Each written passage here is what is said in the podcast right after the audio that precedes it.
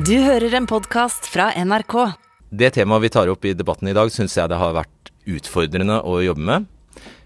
Fordi jeg tror forventningen til et program som Debatten er at vi ikke bare tar tak i den ytterste delen av eh, den diskusjonen som har pågått rundt akkurat Nomi og eh, Vanessa Rudjord og Synnøve Skarbø og Pia Tjelta, men at vi nettopp tar på alvor de etterlysningene av debatt rundt kvinnehelse. Og så er det ikke, når vi går ned i grauten her, ikke en helt åpenbar overgang der fra skjønnhetsbehandlinger til faktisk kvinnehelsetemaer, som er veldig alvorlige. Så det har vi eh, jobbet mye med. Hvordan skulle vi få en naturlig overgang her, og at det ikke virker bare påtatt. At vi faktisk For det er det du kommer til å få høre. Du kommer til å få en innføring i kvinnehelseproblematikk. Eh, og hvilke temaer vi snakker om, eh, og hvilke debatter som egentlig foregår på området. Et, ja, selvfølgelig det vi rekker i løpet av halve debatten, men, men i hvert fall en innføring. Ja, hvor var jeg? Ja, men, var, men, men jeg tror uh, Det er selvfølgelig mulig å kritisere oss for at vi griper tak i denne debatten som har rast i spaltene de siste dagene. Jeg tror man kan beskylde oss for å være tabloide, og at vi, uh, at vi bare følger strømmen.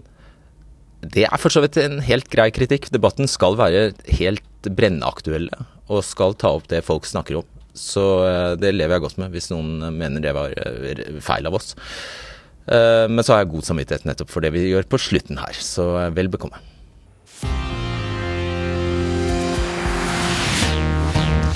Det er en drøy uke siden venninnegjengen Pia Tjelta, Synnøve Skarbø og Vanessa Rudjord gledesstrålende fortalte at de skulle starte klinikk for bl.a. fettreduksjon og rynke- og hormonbehandling.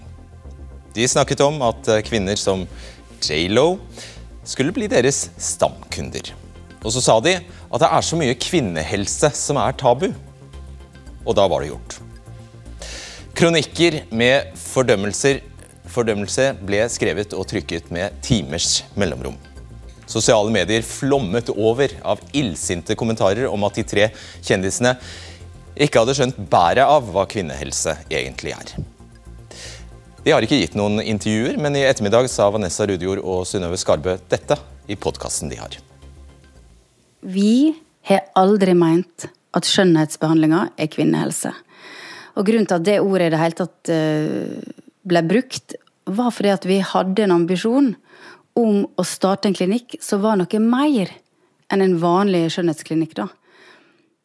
Vi ville at den klinikken, i tillegg til alle disse klassiske behandlingene som sånne klinikker har, så hadde vi så lyst til å tilby behandlinger som vi enten visste at ikke var på markedet i Norge, eller som det var vanskelig å få tilgang på eh, i det offentlige da, her til lands. Og som handla om helseutfordringer for damer. Og det var vi altså såpass stolte av at vi ikke klarte å la være å snakke om det. Nei. Og det var en tabbe. Ja, og det angrer vi så inn i hampen på. Vi skulle aldri, aldri ha blanda inn det ordet i dette. Overhodet. Vi skal ikke legge skjul på at dette her har vært ei grusom veke, og at det har vært en dyrekjøpt lærdom for alle tre. Det er to vrak som sitter her. Tipper det har vært en uh, nokså spesiell uke for deg også, Karim Sayed. Uh, du er ansvarlig lege ved NOMI, altså denne klinikken. Nå var planen at du skulle eie 50% og disse tre kvinnene skulle eie 50 uh, de også. Nå har de trukket seg. Først, hvordan har de det? Nei, Man hører jo litt på podkasten her også, da, at de, de, har jo hatt det veldig tøft. De har stått i en eh, skikkelig storm. Og, eh, og, de hadde jo en visjon, ikke sant? skulle gründe noe sammen. Det var en fantastisk, De gledet seg. Hvis man hører første podkasten, hvor mye entusiasme Som er fjernet, forresten. Og, eh, som er fjernet, ja. Ja, ikke sant? så, så, det er jo, det er jo eh, det har, De er sterke, tøffe jenter. De kommer til å klare seg, de. Men, eh, men det har ikke vært enkelt. Det, det, har de ikke. Så er de lei seg, og jeg òg selvfølgelig, for at på en måte det vi skulle lage, ikke ble i hvert fall etter planen. da. For Var det, det korte svaret på hvordan det kunne gå så galt? Det korte svaret er kommunikasjon. Det er det korte svaret. Det var ett ord. Eh, det var jo sant, uheldig å blande, de, blande inn begrepet kvinnehelse. Eh, og, og, så ble det på en måte også, sånn som jeg opplever det eh, det sitatet i Dagens Næringsliv, det, det, når det virkelig startet å balle på seg, var jo den overskriften som kom hvor det sto jeg tror du sa Det i sted, at det er så mye med kvinnehelse som er tabu. og så var Det da, det sto like under 'åpne skjønnhetsklinikk til 40 millioner', eller et eller annet sånt. Og så var det jo en plussak, så det var det du så, ikke sant? og ikke noen nyanser. Og lett å, å oppfatte som at det en skjønnhetsklinikk uh, er uh, kvinnehelse. Mm. Ja. Jeg har skjønt det sånn at du har til hensikt å tilby behandling for kvinnehelse? Ja, altså jeg, eh, nå har vi jo, kan ikke snu nå, nå har vi jo laget eh, denne klinikken. Det er ikke så lenge til vi åpner, og der, vi er jo veldig stolt av, eh, av det som er der. Og, og, det er jo absolutt, altså Vi har jo gynekolog, f.eks.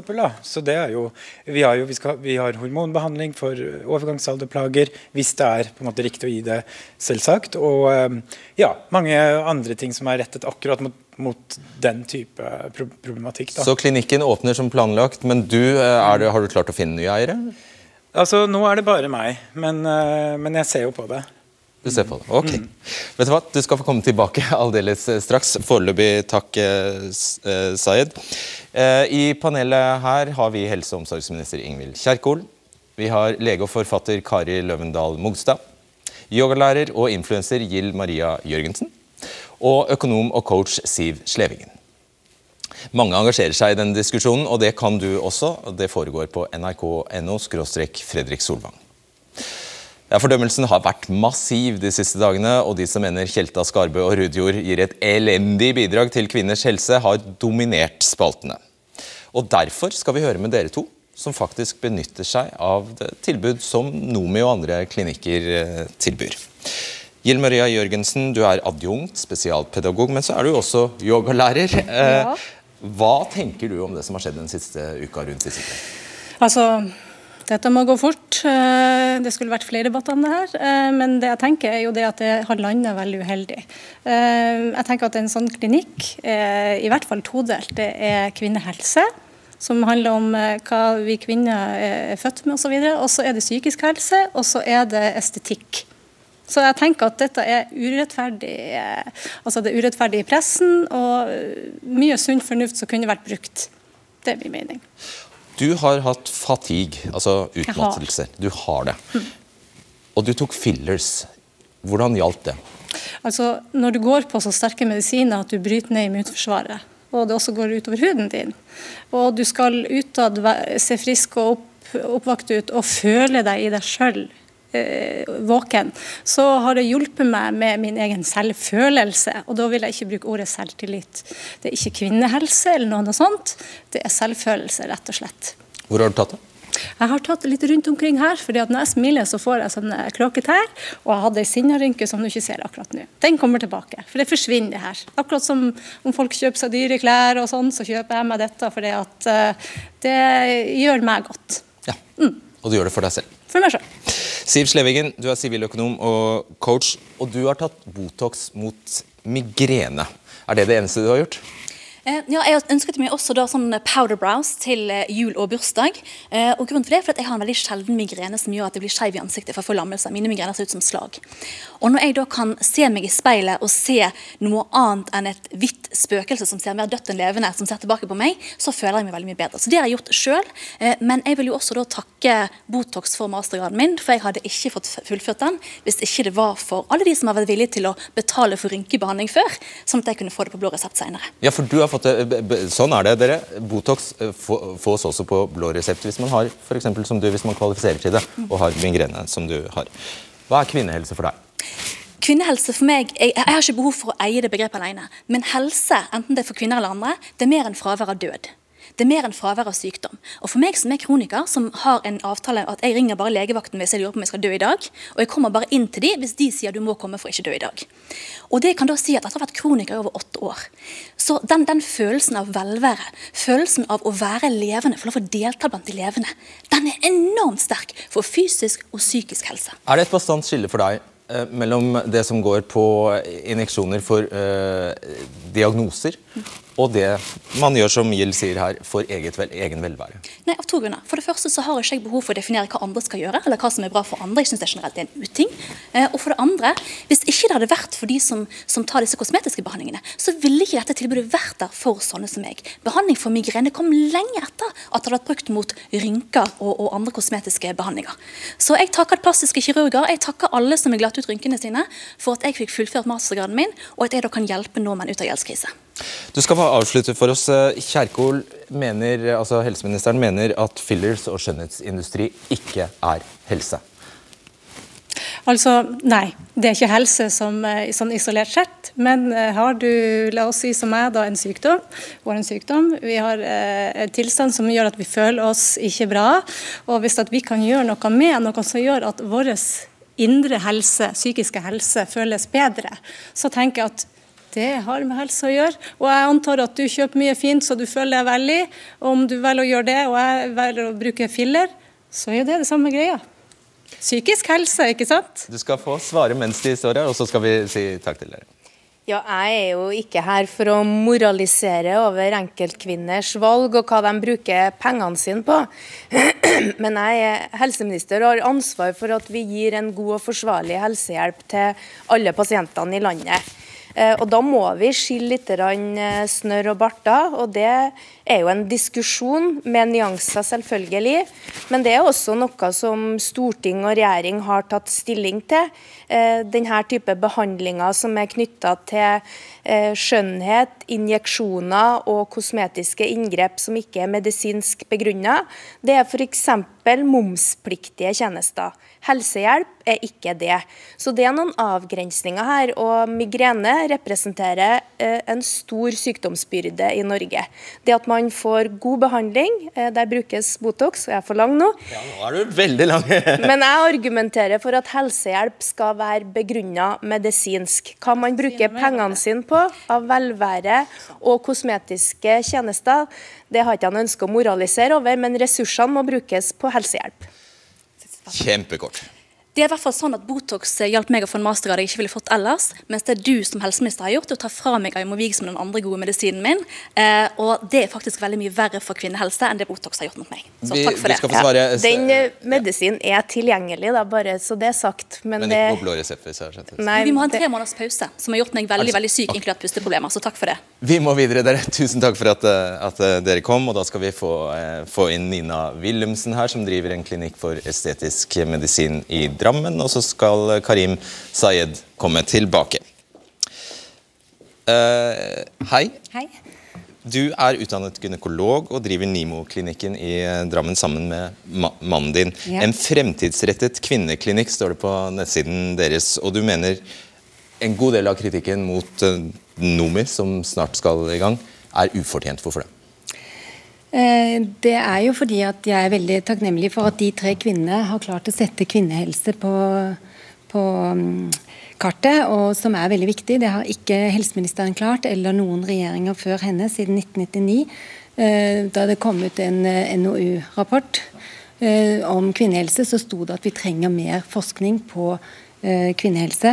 Både på yngre grupper og eldre grupper. Og jeg ser en rekke kvinneproblemer i dag som ikke blir løst. Og Jeg er spesialist i kvinnehelse, og det er den majoriteten i klinikken. Det er ikke en klinikk kun for Nei, eh, men hvis man, går inn, eh, hvis man går inn på nettsidene dine, Ja. så vil man se at der er det rynkebehandling, det er fillers, det er alt man skulle forvente av en, helt, av en skjønnhetssalong. ikke sant? Og Det har sin bakgrunn i at eh, vi eh, ønsket å starte en klinikk sammen, og diskuterte veldig nøye om vi skulle tillate eh, denne eh, lokasjonen på samme sted.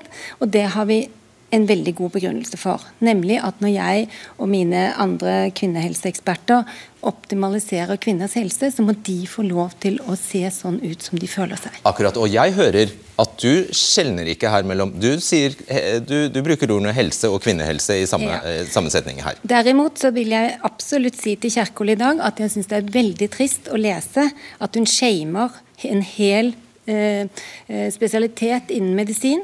Og det gjøres veldig mange kosmetiske inngrep på sykehusene. og Jeg vil gjerne ha svar på i dag hvordan du kan da tillate at det er elleve plastikkirurger på Bærum sykehus. Et Ok. lite lokalsykehus. Ja. Eh, For det første så shamer jeg ikke en hel legespesialitet. Det er en påstand eh, som eh, er tatt ut av lufta. Det jeg forsvarer, det er at eh, helsehjelp og medisinsk behandling skal være medisinsk begrunna, og det har vi gjort gjennom å gjøre dette til en rettighet for alle innbyggerne i Norge. Hvis du trenger helsehjelp, så skal du få det. Og Min oppgave er å sørge for at vi har god og tilgjengelig helsehjelp gjennom eh, i hele landet. Det er denne regjeringas prioritet. Og så har nok ingen regjering klart å sette en sånn dagsorden som de her tre damene. Eh, Det er jo veldig mange som har vært hoppende sint på dem, og det tror jeg ingen regjering har som mål. Men alle regjeringer siden 2004 har prioritert egne ressurser til kvinnehelseforskning, men vi har fortsatt en lang vei å gå. Og for meg så er det viktig at de som er utdanna til å hjelpe kvinner i vår felles helsetjeneste, jobber med å hjelpe pasienter som trenger helsehjelp. Ja, for Du reagerer på at disse som er utdannet helsepersonell skal jobbe med det de gjør. Hvordan reagerer du, skal forsvare, hvordan reagerer du på det? Eh, Jeg reagerer først og fremst fordi at dette er et privat eh, helsetilbud som kvinner er kompetente på egen kropp og kan ta det valget selv. og Vi skal jo ikke gjøre disse inngrepene på kvinner under 18 år, og helst litt senere. Så Det er det første. Og det andre er jo at eh, eh, alle må få lov å bestemme selv hva de ønsker å bruke penger osv., som ble sagt her. Det bestemmer alle sammen selv. Men det vi har størst begrensning på, det er kompetente fagfolk, som dere to som står her. Enten så kan dere jobbe med pasienter som trenger helsehjelp, eller så kan dere tilby velvære og skjønnhetspleie som ikke er medisinsk begrunna. Det er klart, Jeg vil trenge være en helsearbeider som er tilgjengelig i årene som kommer, knytta til demografi, sykdomsbyrde i befolkninga. Og det er en prioriteringsdebatt vi ikke kan sette til sides fordi om man driver en privat skjønnhetsklinikk. Nettopp. Kari Løvendal Mogstad, du er fastlege i Trondheim, har skrevet boka 'Kroppsklemma', om hvordan eh, voksne skal støtte barn i et kroppsfiksert eh, samfunn. Og det er ikke ved å støtte skjønnhetsklinikker, jeg skjønt.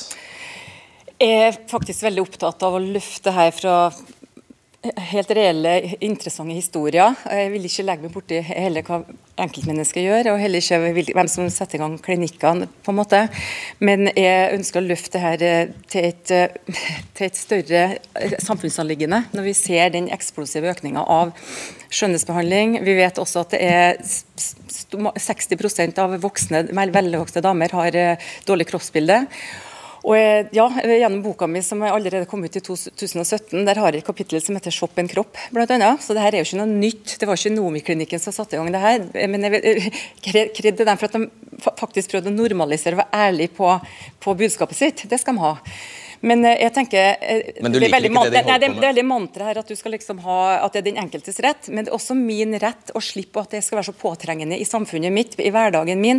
Uansett om jeg åpner mobilen, om jeg går på en, en gate i Trondheim, så blir jeg bombardert med plakater med ting jeg bør gjøre så for det er å endre. Og det synes jeg- i ja, og? Som voksne så har vi en kjempeviktig rollemodellfunksjon, som jeg syns er lite nevnt i denne debatten her. Skjønner. Hva svarer du til det, Karim Zaid? Jeg er også veldig glad for denne debatten. Virkelig. Det er kjempeviktig at vi Det er fint, diskuterer da disse kan, tingene. kan vi komme oss videre. Alle er glad for debatten. Ja, da kan ja, vi komme oss okay. videre. Ja. Så, eh, så eh, Nei, jeg mener jo at det vi gjør, er helsehjelp. Vi, eh, hva er helse for noe? Helse er, eh, som det ble sagt i sted, mer enn fravær av sykdom. Jeg, jobb, jeg som jobber med dette som lege, opplever det som veldig meningsfullt. Jeg hjelper veldig mange mennesker. Hvis noen hadde vært med meg en dag i praksisen min, så hadde de sett, sett at det er vanlige mennesker med plager. Og det kalles ofte skjønnhetsbehandling, men det dreier seg ikke nødvendigvis om skjønnhet. Folk forbinder det med at man skal bli så vakker. Altså Det vi gjør, er jo veldig ofte å hjelpe noen med et problem som de har. Så bare vær konkret. Fillers kan være helse, etter din mening. Ja, klart det kan. Absolutt. I kyndige hender. Og du må, men du må ha kompetanse og etikk. Og med kompetanse kommer etikk. Og Det er viktig. Så jeg vil snu det og si at det er kompetanse. Det er det vi trenger. Jeg tenker det her er å snu ting på hodet, for jeg tenker det er et det er veldig også, Man er med å skape behov og skape problem. og det Bare den uttalelsen som var fra de tre damene i forhold til at du, du er et vrak liksom, hvis ikke du ønsker å bruke den behandlinga her det var, jo, det var jo, ja, ok, det kan hende. Men i hvert fall så, så, er man med å skape et problem. og Hvis du ser på de forskjellige klinikkene som det, det, det er jo overalt i hele landet, så er det som en smørbrødliste, som en restaurant du går inn på. Du kan ta alt ifra eh, ansiktsløft for 100 000, du kan ta Venusberg-løfting, du kan ta eartox. og Det, det finnes ikke mm. grenser ja. på hva dere finner på at, at man kan. Og, og, det er som å, å pusse opp et rom. at Gulvet først, da ser du andre ting du bør ha gjort. Og det er ubegrensa. Folk tar opp forbrukslån for å gjøre det her. Mm. Det, er et økonomisk aspekt også. Wilhelmsen, dere tilbyr bleking av kjønnslepper, stemmer det? Det er også et problem for noen kvinner, ja. Og det er en eh, vanlig behandling for de som har veldig mørke områder i underlivet. Er det et helseproblem? Uh, nei, jeg har ikke kalt dette helse. Og jeg vil presisere at jeg er kvinnehelseekspert og jobber ikke med estetiske behandlinger eller plastikkirurgi, men det er en del av den Du eier sjappa, da? Nei, det gjør jeg ikke. Nei, okay, men, det gjør mannen min. Men uh, jeg er den, en av de som driver. Men det jeg først og fremst vil si, er at jeg jobber med kvinner fra hele Norge. De setter seg i, på flyet i Tromsø, i Bergen og på Lindesnes for å komme til meg, fordi jeg har bred kompetanse på kvinnehelse. og den Eh, veldig trist å se at de må reise så langt forbi så mange leger for å komme til en som har utdannet seg videre i kvinnehelse. Og det er ditt ansvar, helseminister. Og hvor er fastlegene, og hva skal skattebetalerne si når de ikke får fastlege? Og det er lite penger til, til forskning på kvinnehelse, og vi trenger mer kompetente eh, Vi må gjerne diskutere fastlegeordninga ja, på vår felles helsetjeneste. Men eh, det her er også eh, tilbud som er, som er, regulert i hvordan de kan markedsføres. Og nå har vi en, et helt historisk påtrykk av psykisk uhelse til vårt behandlingsapparat. Det er sammensatte årsaker til det. Men barn og unge må skjermes for denne aggressive markedsføringa. De her tre damene sletta også en podkastepisode fordi de hadde eh, promotert et eh, tilbud langt utafor det som er de rammene vi har for en å markedsføre. En bekkenbunnstol? Var det det? Eh, det har ikke jeg kjennskap til, men poenget er at sosiale medier, influensere, Barn har fri tilgang til disse markedskanalene. Og det å bli bombardert med hva som er et normalt utseende, hva du kan fikse på, det fremmer ikke god helse. Vi skal gå inn for landing i denne eh, runden her, men den var rettet direkte til deg. Jeg er helt enig i det.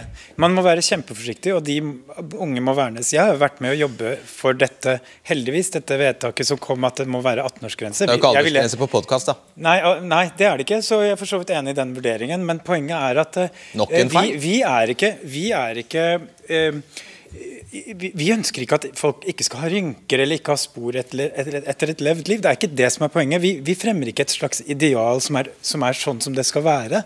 Ikke sant? Det er den enkelte person som vi ser. Det er heller ikke lov. Det er heller ikke lov. Ja, fem sekunder, og så avslutt. Du blander jo sammen da kvinnehelse med bleking og kjønnslepper. Jeg har altså bare for, bare for få måneder siden 18-åringer på mitt kontor som uh, følte at uh, kjønnsleppene deres var feil med. De får det et sted fra. ikke sant? Og det er jo bare tull at det ikke finnes kvinnehelseeksperter rundt i landet. Det, det finnes faktisk for de behovene vi trenger. Selvfølgelig så vi skal diskutere etterpå her kvinnehelse må forskes mer på, men det er veldig mye bra. Men, det, men det er, du hører hvordan det blandes sammen, og det er veldig uheldig. Ok, Jeg tror dere får gjøre opp på, på bakrommet her. fordi vi... Ja, du tåler det. Flott. Takk skal eh, dere ha. Takk, du blir stående, Kjerkol. Ja, Anklagen eh, om at det forskes for lite på kvinnehelse og at kvinnehelse er nedprioritert, er en årelang kamp. Her for eksempel, ser vi bilder fra en kampanje fra Sanitetskvinne som ble satt i gang lenge før det eksploderte rundt eh, klinikken Nomi. Men når vi snakker om kvinnehelse, hva handler det om? NRK har spurt et knippe eksperter på kvinnehelse, og de peker på disse sju diagnosene, eller tilstandene om du vil, som de mener det er for lite forskning og behandling for. Først har vi svangerskapsforgiftning. Om lag 10-12% av norske kvinner rammes av det. Så er det PMS og det som kalles PMDD, altså at noen kvinner kommer i så stor hormonell ubalanse at de må gå på antidepressiva og kanskje til og med blir suicidale. Så har vi tidlig overgangsalder. Det er antagelig arvelig, men man vet ikke nok. Og her er det jo viktig uansett at døtrene må i tilfelle få vite tidlig nok. Endometriose, det er vev som vokser utenfor livmorhulen. Kan være veldig smertefullt, kan føre til at man ikke kan få barn, og kan ende med en veldig omfattende kirurgisk operasjon. Så vi muskel- og skjelettsykdommer. Eh, 50% av kvinner over 50 har osteoporose, f.eks. Og så har vi hjertesykdommer. Den viktigste dødsårsaken blant kvinner, faktisk. Likevel forsket seg lite på hjertesykdommer hos kvinner som har vært i overgangsalderen, altså som er eldre. Og til slutt her på denne lista, føde- og barseltilbudet. Jeg har hørt det før, det er mange ufaglærte, det er for få jordmødre, for lite forebygging som kan gi barseldepresjon og ammeproblemer, ifølge ekspertene. Ja, eh, Velkommen til deg, Kristine Meyer. Takk Du skal du ha. Du leder et offentlig utnevnt kvinnehelseutvalg. Passende nok skal du legge fram rapporten din 8. mars neste Ja. år. Og i tillegg til de eh, områdene vi har jeg har listet opp nå, så har dere kommet fram til en del områder rundt kvinnehelse som det ikke snakkes så mye om. Vi kan starte med psykisk helse. Her kan vi dele det inn i tre. og vi, Først angst og depresjon. Her er det kjønnsforskjeller. Ja, det er kjønnsforskjeller. Hvis vi ser på voksne, for å starte med det, eh, så er det ca. Eh, dobbelt så høy forekomst hos kvinner enn hos menn. Men hvis vi går på de som er yngre, så er, kan vi gange med tre. Så, eh, og vi vet også at dette har økt eh, gjennom covid, eh, og at vi har ganske urovekkende tall som viser at psykisk uhelse for unge kvinner det øker ganske dramatisk. Og kanskje, kanskje ikke henger det sammen med neste, punkt, som er kroppspress. Også det er langt mer utbredt. Skal vente litt med muskel- og skjelettplager. kroppspress. Vi er fremdeles på psykisk helse. Kroppspress. Hvor utbredt er det blant jenter? Ja, altså Dokumentasjonen fra Ungdata sier at eh, en tredjedel av unge kvinner, jenter, eh, de opplever eh, kroppspress, og ganske mye kroppspress. Og Vi vet også at dette henger veldig nøye sammen med psykisk helse, og særlig gjelder det for jenter. Og her spiller utseendet en rolle. Absolutt. Ja, Det kommer faktisk fram av undersøkelser. Da. det gjør det. Ja. Apropos det vi snakket om i sted. Og spiseforstyrrelser. til slutt. Ja, Spiseforstyrrelser vet vi jo at eh, når det gjelder anoreksi og bulimi, så er det ti ganger så sannsynlig at jenter får det som gutter. Så dette er en type sånn jentesykdom, eh, og som jo også har veldig langvarige konsekvenser. Det er jo en kronisk sykdom som mange lever med hele livet. Og veldig dødelig. Ja. Så har vi, så har vi muskel- og skjelettplager. Det, eh, det sto på lista her i sted, men vi vet altså at kvinner lider oftere av eh, dette enn eh, menn. Og så vet vi at disse lidelsene kan ha sammenheng med forhold på arbeidsplassen, og det kan ha sammenheng med vold. Ja, altså, sånn Stressrelatert hodepine er mer vanlig at det er arbeidsrelatert hos kvinner. Og det henger også sammen med eh, at kvinner er mer utsatt for vold enn menn. Så begge de faktorene eh, leder til sånne muskel- og skjelettlidelser. Og dette tyter ut i sykefraværsstatistikken vår. Vi vet at ca. rundt 36 skyldes muskel- og skjelettlidelser. Og så et punkt som heter kvinner som eh, pårørende. Altså, eh, og det, eh, dette er kanskje Ja, jeg tror du skal få fortelle selv. Dette det- er noe vi vet. Vi vet alle at kvinner er mer, i større grad eh, omsorgspersoner. Eh, men det gir seg også utslag i, i helse. Ja, absolutt. Eh, og de som har mye pårørendeomsorg, har ofte dårligere helse enn de som ikke har det. Og det er også sånn at eh, kommunehelsetjenesten eh, helsetjenesten behandler eh, kvinner annerledes enn menn. Så er man kvinnelig pårørende, så får man mindre tjenester enn en mann. Ja, det er helt utrolig, men så det ja, ja. Og, og det forventes mer av kvinnelige pårørende. Absolutt. Du, Hva skal utvalget ditt gjøre? Ja, vi skal jo legge fakta bak eh, alle disse eh, påstandene som har vært eh, fremme. Eh, og eh, så skal vi foreslå en del tiltak. Eh, det kan jeg ikke snakke om i dag. Nei, det det skal jeg snakke om i mars, eh, og det gleder jeg meg til. Eh, men jeg syns det er flott at vi har nå fått denne økte oppmerksomheten rundt dette viktige spørsmålet. Ikke sant? Er det noe som har virkelig overrasket deg i arbeidet så langt? Ja, eh, veldig mange ting som overrasker meg. Noe som hvis jeg kan peke på to ting. Eh, noe som har overrasket meg, er jo hvordan overgangsalder henger sammen med at mange flere går ut i deltid og går ut i uføretrygd. Så det skjer et eller annet i overgangsalderen som vi må forstå. En annen ting som har overrasket meg, er at kvinners eh, rusproblemer, alkoholproblemer, ofte trenger helt annen behandling enn menns. Det er ikke snakk om å liksom, ta bort hele alkoholkonsumet, men å redusere og få kontroll med et høyt alkoholkonsum. Så vi trenger helt andre behandlingsmetoder for kvinner enn for menn. Det er en rapport vi ser veldig fram til, merker jeg. Marit eh, Severinsen, jordmor og prosjektleder i Norske sanitetskvinners forening. Er det det, eller Norske sanitetskvinner, kanskje bare? Norske kvinners sanitetsforening. Oi, uff da, det ble dobbelt feil. Ja, vi skjønner greia. Eh, Dette er din kampanje. Den er jo altså ikke helt eh, fersk, men hva er det dere vil Altså, hva er dere fram til her? Vi vil jo fram til at uh, det forskes jo litt på kvinnehelse, uh, men det forskes for lite på kvinnehelse. Uh, og det forskes for lite på den kvinnehelsen som ikke synes. Og det forskes for lite på de unge jentene, de voksne kvinnene og de eldre kvinnene som fremdeles lever med store smerter og kronisk utmattelsessyndrom og migrene etc. Så lite forskning gjøres, men det trengs absolutt mye mer forskning. Her er jeg på sånn enda drøyere enn det at menns helse settes først, faktisk. Mm. Har du belegg for det? Ja, og det er jo på en måte at man fra, helt fra grunnforskningen da, så har man jo forsket på mens, eh, på mannlige mus, for å si det sånn. Eh, og jeg tenker at en kvinne reagerer annerledes når hun får et hjerteinfarkt eh, enn en menn. Så jeg tenker at det symptombildet og det fastlegene og det helseapparatet må se når de møter kvinner, uavhengig av alder, eh, må styrkes betraktelig. Og forskningen må styrkes betraktelig. Og så må jeg si at sanitetskvinne er en av de fremste forskningsaktørene på kvinnehelse i Norge, med mer enn 25 millioner som rettes mot kvinnehelseforskning. Da fikk du søkt det. Mm. Ole Johan Borge, avdelingsdirektør i Forskningsrådet med ansvar for eh, helse. Settes menns helse først, som Sannhetskvinne påstår her? Nei. Vet vi det? Nei. Gjør ikke det. Ikke sånn som jeg ser verden fra Forskningsrådet. Vi har uh, fått prioriterte, dedikerte penger fra Helse- og omsorgsdepartementet i snart 20 år, som har vært øremerket til kvinnehelseforskning. Det har vi på ingen andre områder på samme måte. Uh, det har også vært vekst faktisk i, i bevilgningene fra både fra Forskningsrådet og fra departementet. Hvilke summer snakker vi om her? Vi gjorde en eh, kartlegging her nå for et år siden, og da fant vi 79 prosjekter som vi har hatt aktive de siste årene. Vi har 44 aktive prosjekter per år, og de finansieres med 100 millioner kroner. I den store sammenheng syns ikke jeg det hørtes så veldig mye ut. Dette er altså prosjekter som særskilt eh, handler om kvinnehelse. Ja, det stemmer. Og vi er helt enige om at sykdomsbyrden som kvinnene bærer, den er veldig mye større enn om du vil 100 millioner.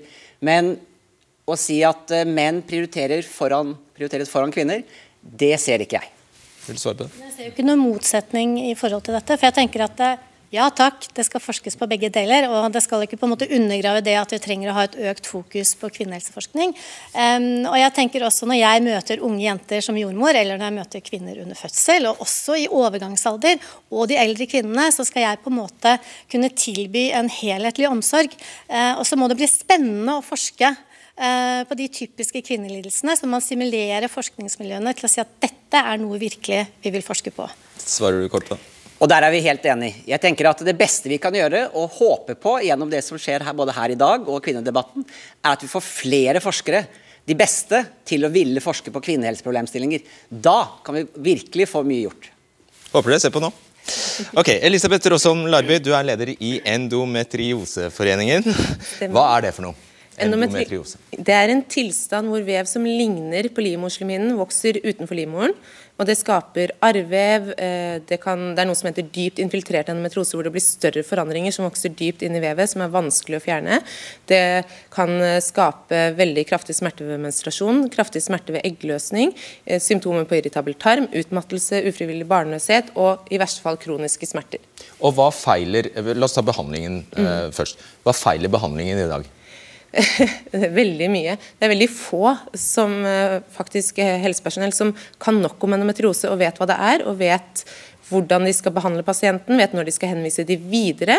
Og så er det altfor alt lite midler eh, innvilga til denne type behandling til at behandlingstilbudet ikke blir godt nok. Ja, og Der har du en anklage mot eh, helseministeren, fordi du har skrevet en kronikk i, i, i TV 2 der du etterlyser handling fra henne. Hva er det eh, nøyaktig hva da? Eh, hun eh, lovte jo på TV 2-debatten for et års tid siden at eh, det var Hun sa det var mye som kunne rulles ut med en gang, og det har vi jo savnet handling på. Vi har ikke sett at det har skjedd noe endring. Det har faktisk ikke skjedd noe særlig endring. Snakker vi da om behandling av endometriose? Yes, stemmer. Utredning og behandling av sykdommen. Og da må det til tiltak for at dette skal kunne bli bedre. Og det mener du du ikke har sett noe til? Stemmer. Det var en debatt som handla om å sette i gang et arbeid, eh, og det gjorde den gang helseminister Bent Høie, så det skal han ha. Og Nå har jeg fått en eh, rapport som Endometrioseforeningen har bidratt til, også Sanitetskvinnene, eh, og fagfolk som har peiling på smerter og denne lidelsen. Der er det veldig konkrete forslag som vi kommer til å følge opp. og Det er helt riktig som det blir sagt, det tar for lang tid å få denne diagnosen. Det er for lite kunnskap om det. Et litt banalt eksempel, men på New Zealand så får alle unge jenter på skolen se en video om hva denne sykdommen er. Og Da kan det bli lettere for unge jenter å skille hva som er vanlige mensplager, som vi alle kan plages med, men hva som faktisk er en vond sykdom som du kan komme til å trenge helsehjelp for. Så her er det konkrete forslag som vi kommer til å følge opp. Ja, Det setter vi veldig stor pris på, det er vi glade for å høre. og For å sette ting litt i perspektiv, så har faktisk Endometrioseforeningen gått ut nå og utlyst midler av de donasjonene vi får inn, for å drive kompetanseheving av helsepersonell. Dere har finansiert videoen du snakker om? Ikke videoen, vi har, vi har finansiert kursing av eh, to eh, gynekologer nå hos en av de beste kirurgene i verden sånn at kompetansen skal bli hevet i Norge. Og det er ganske ille at eh, vi som en frivillig forening må støtte dette.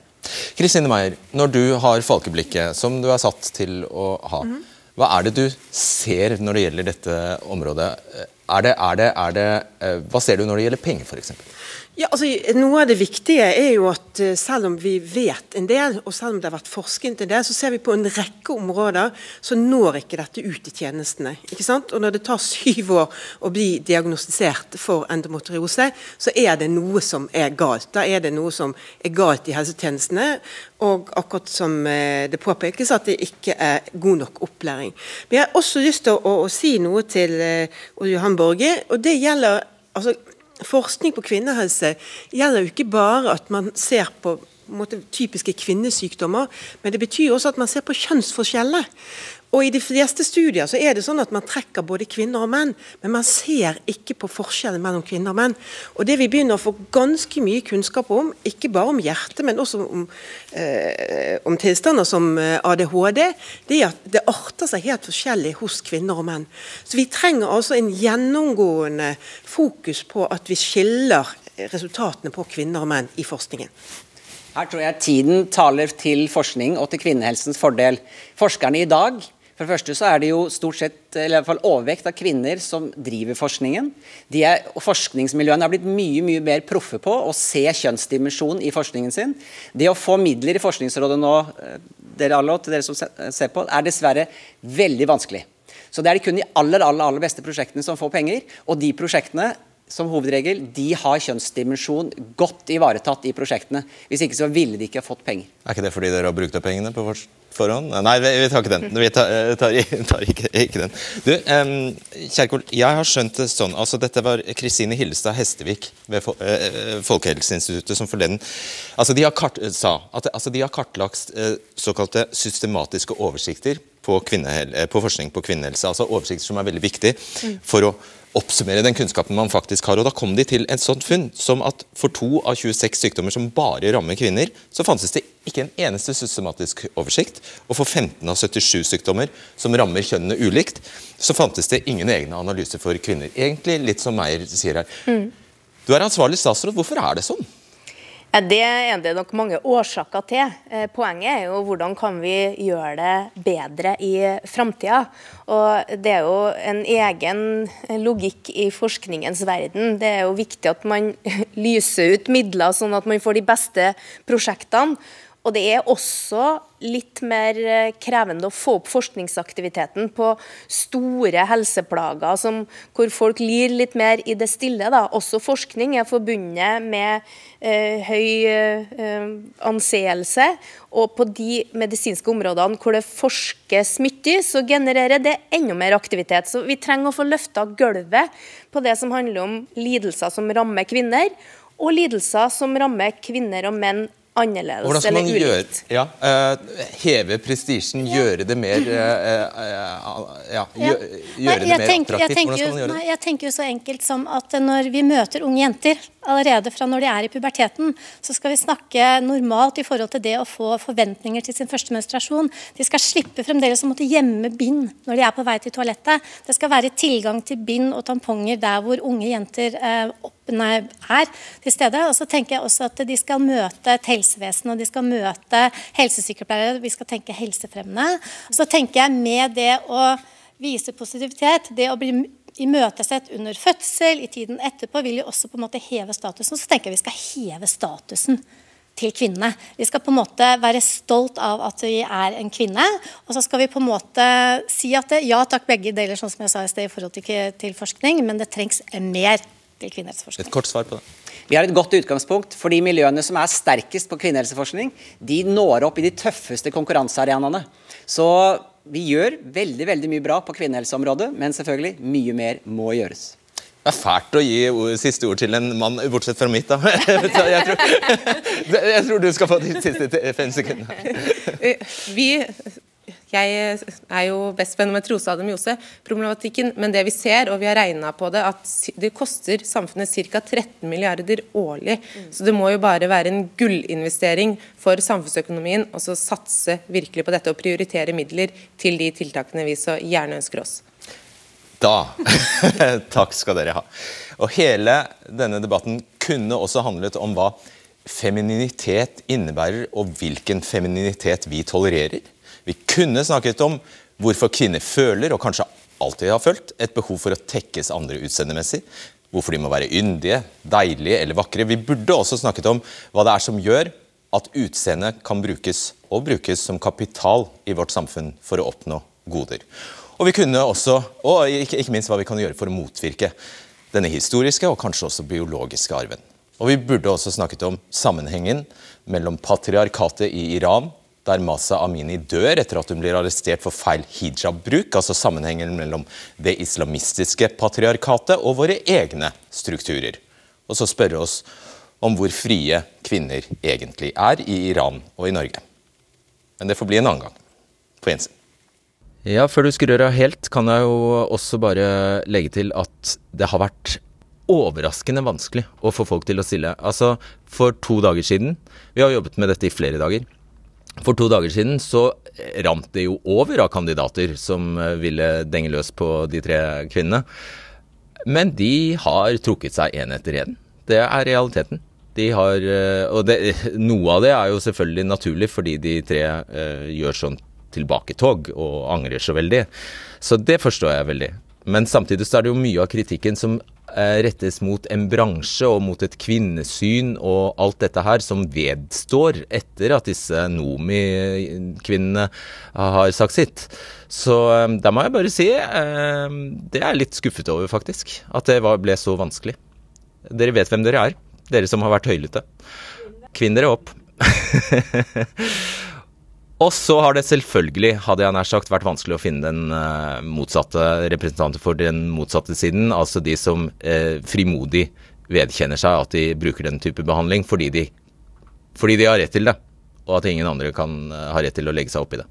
Det er ikke så enkelt å bare melde seg til en sånn oppgave og stå på TV der og fortelle om det. Så takk til de vi endte opp med, og tusen takk for Vi har vært i kontakt med veldig mange som eh, har lurt på om de skulle tørre. Det er realiteten. Og så har de til slutt ikke helt turt. Jeg håper at dette viste at det er ikke så farlig, og at de er i trygge hender når de kommer til debatten. De kommer ikke til å risikere eh, en storm. Vi prøver, vi bestreber oss, som jeg ofte sier, på å skape balanse, og at ingen skal henge til tørk. Ingen skal gå fra dette studioet og eh, føle at de gjorde noe veldig dumt, noe de angrer på. Og vi er jo her for nettopp å gi rom for dette spekteret av forskjellige, forskjellige, forskjellige virkeligheter. Mm.